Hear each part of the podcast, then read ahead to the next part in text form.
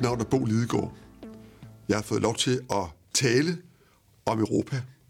Det er et af mine yndlingsemner. Jeg er historiker. Jeg har skrevet og studeret Europas historie.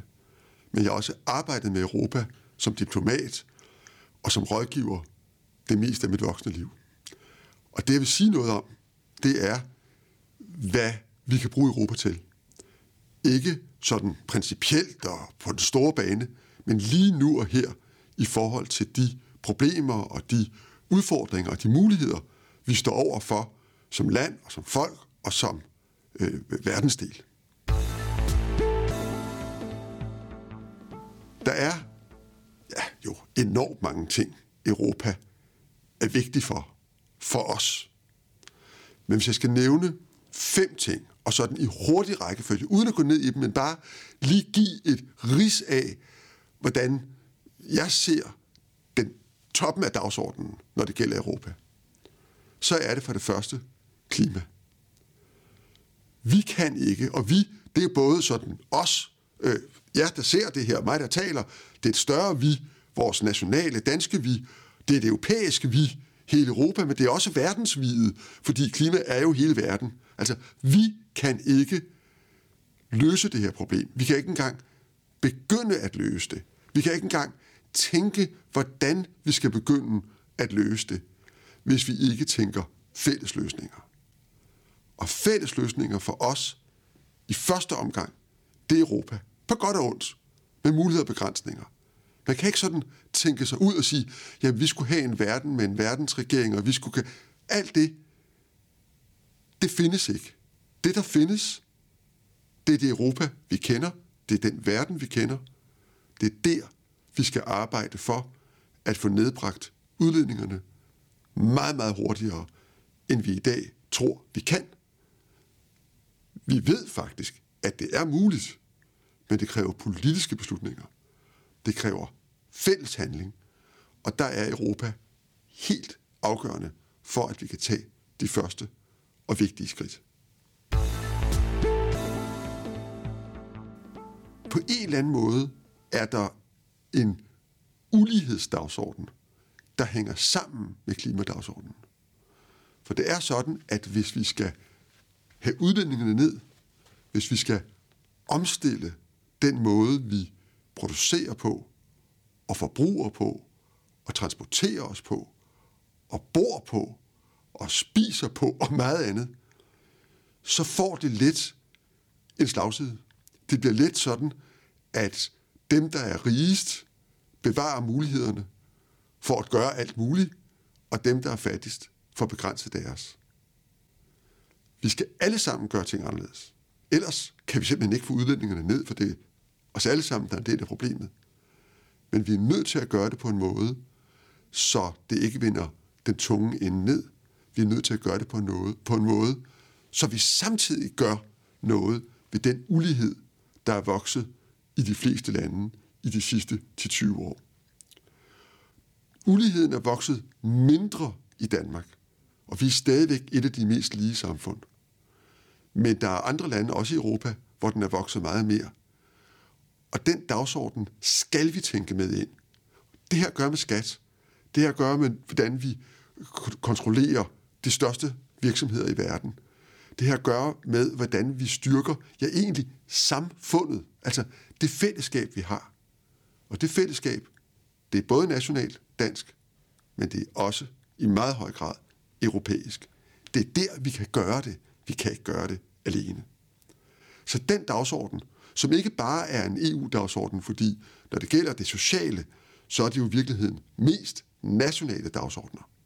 Men for eksempel når det gælder kontrollen med international kapital, finanssektoren, de største verdensselskaber, så kan vi kun kontrollere dem europæisk, og vi kan kun sikre, at vi ikke ser hele vores skattegrundlag sive ud øhm, øh, øh, øh, fra Europa, hvis vi gør det sammen.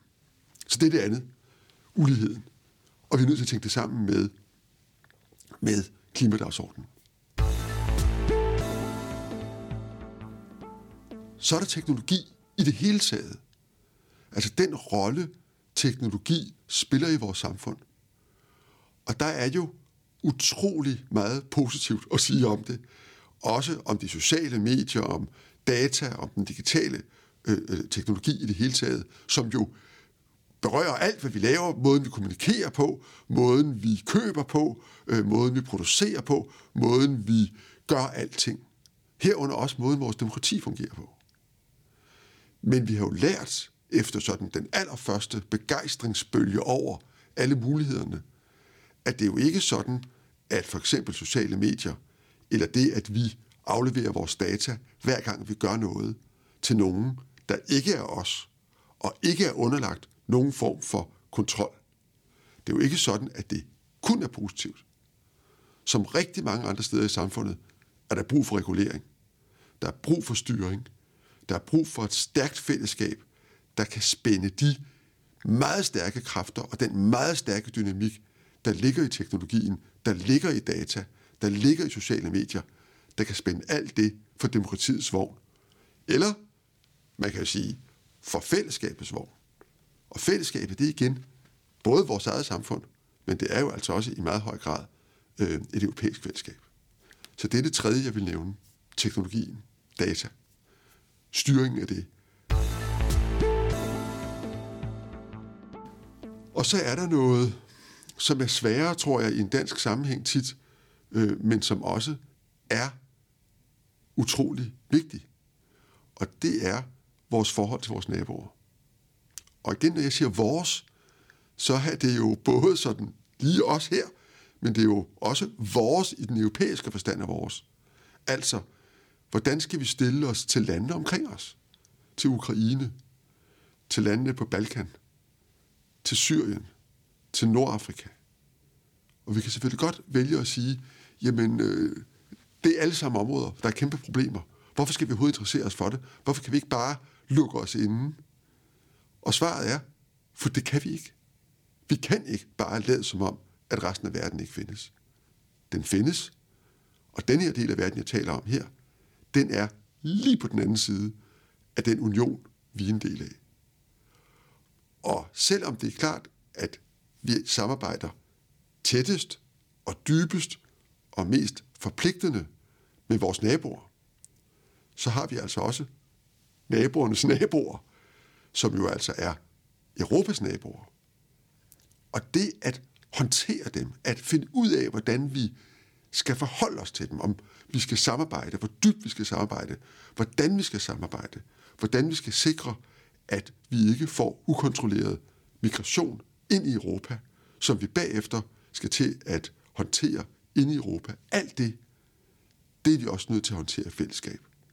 Og faktisk, så synes jeg, at det er en af de opløftende historier for de senere år, at Europa har været i stand til at få tilstrømningen af migranter til Europa under kontrol, i hvert fald meget mere end vi havde, og at vi er begyndt at styrke vores politik på det område, selvom Danmark har valgt ikke at ville være en del af de løsninger. Der er jo også en verden, der er endnu større end den, der er lige omkring Europa. Den store verden, kan man kalde det. Og der er jo især to lande, som spiller en kolossal rolle, også for os. Selvfølgelig USA allerførst. Forholdet til USA, det er vigtigt for Danmark. Det er vigtigt for vores sikkerhed. Det er vigtigt for vores økonomi. Det er vigtigt for vores frihed. Det er vigtigt for vores handel. Det er vigtigt for en hel masse ting. For os er USA en helt uundværlig samarbejdspartner. Sådan har det været siden 2. verdenskrig, og sådan tror jeg, det vil være i lang tid nu. Men i al den tid, USA har været blandt vores allervigtigste partnere, der har USA også haft det sådan, at noget af det vigtigste ved Danmark, det var, at vi var en del af Europa, og meget stærkt forankret i Europa. Det må aldrig blive sådan, når man er et lille land som Danmark, at vi skal vælge mellem det europæiske og det amerikanske. Det skal altid være sådan, at de to ting, vores forhold til USA og vores forhold til Europa, går hånd i hånd. For det er sådan, vi står stærkest, både europæisk og i forhold til amerikanerne.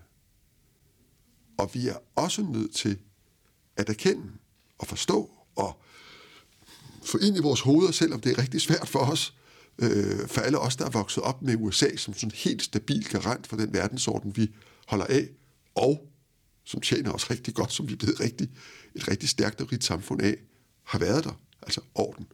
Vi er nødt til at erkende, at det er et andet USA, vi har i dag, end det, som vi har kendt siden krigen.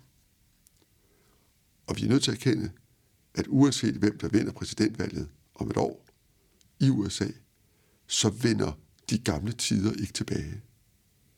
Verden, den store verden, er under forandring, er forandret, er allerede en meget anden verden end den, vi kendte for bare 5-10 år siden. Og i den verden er USA nok stadigvæk vores nære ven og allierede på rigtig mange dagsordner. Men der er altså andre dagsordner, hvor de ikke er det. En af dem, det er for eksempel, om man skal kontrollere teknologiselskaber. Om data ejes af os borgere, eller af de selskaber, der trækker dataen ud. Sådan nogle diskussioner er ikke bare vigtige for sådan noget principielt. Det er meget vigtigt for vores demokrati, hvad det er for et samfund, vi skal have fremover. Og der har vi meget mere til fælles med vores europæiske venner, fordi at i Europa har vi, selvom vi er enormt forskellige på rigtig mange måder, så har vi alligevel den fælles opfattelse, at vi skal have et stærkt marked, vi skal have et meget liberalt marked, vi skal have så lidt regulering som muligt, men vi skal have regulering. Vi skal have en stat. Vi skal have en fælles, øh, et fælles Europa, som er i stand til at sørge for, at markedskræfterne og teknologien tjener vores allesammens interesse, og som sikrer, at den ulighed, som jeg talte om før, den ikke går græsat. Og der har vi altså et andet USA i dag, end vi havde engang. Og det vil vi også have fremover. Og der skal vi, der skal vi have noget modvægt. Og den modvægt, den finder vi i det europæiske fællesskab. Og det er endnu mere aktuelt, når det kommer til den anden store aktør derude i den store verden, Kina. For der har vi også brug for at være mange sammen, når vi skal sætte betingelserne for vores samarbejde. Og allermest har vi brug for, når USA og Kina brydes, hvis det kommer til en ny kold krig mellem USA og Kina, der har vi meget stærkt brug for, at vi ikke bare bliver musen, som elefanterne tramper på, men er et stærkt fællesskab, et stærkt europæisk fællesskab, en stærk europæisk union, der kan stå fast på de værdier, på det demokrati, på det fællesskab, på den velfærd, som er grundlaget for de europæiske lande, og som er grundlaget for vores fællesskab.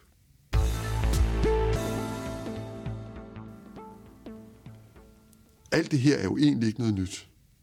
Men lige på de her fem områder, på klimaet, på uligheden, på teknologien, på det nære område, vores naboer, og i den store verden, der er det altså gået stærkt de senere par år. Der flytter tingene sig meget hurtigt. Og hvis ikke vi, og igen, vi som Danmark og som Europa, står sammen og værner om vores velfærd, værner om den tillid og den tryghed, som er udbredt her, men jo faktisk meget sjældent i verden. Hvis ikke vi gør det, så er jeg bange for, at det kommer til at gå hurtigt med at afvikle noget, som for de langt de fleste af os er rigtig vigtigt.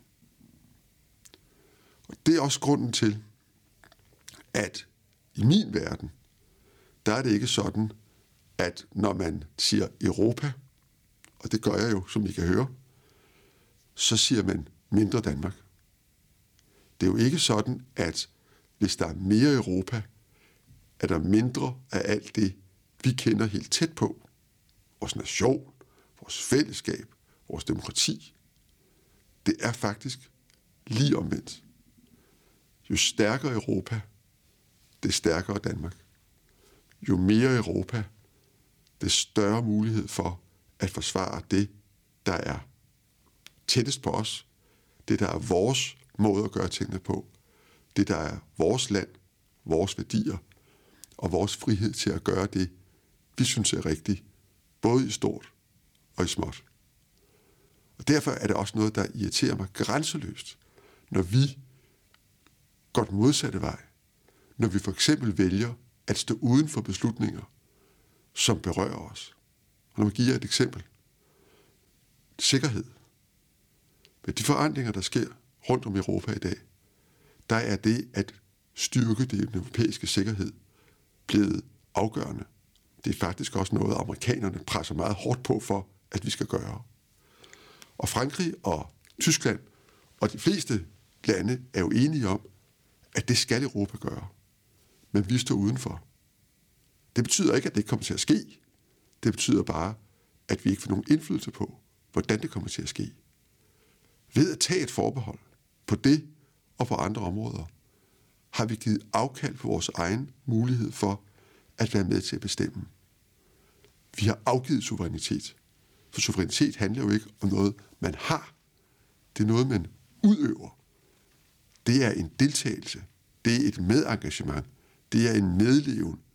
Det er faktisk demokratiet selv. Og det findes heldigvis både herhjemme i Danmark og i Europa. Men det findes kun, hvis vi deltager som borgere og i unionen som lande. Deltager fuldt og helt hver dag. Det skal vi gøre, fordi til syvende og sidst er vi både danskere og europæere alle sammen. Og der er ingen modsætning mellem de to ting. Tværtimod, det er det, vi er.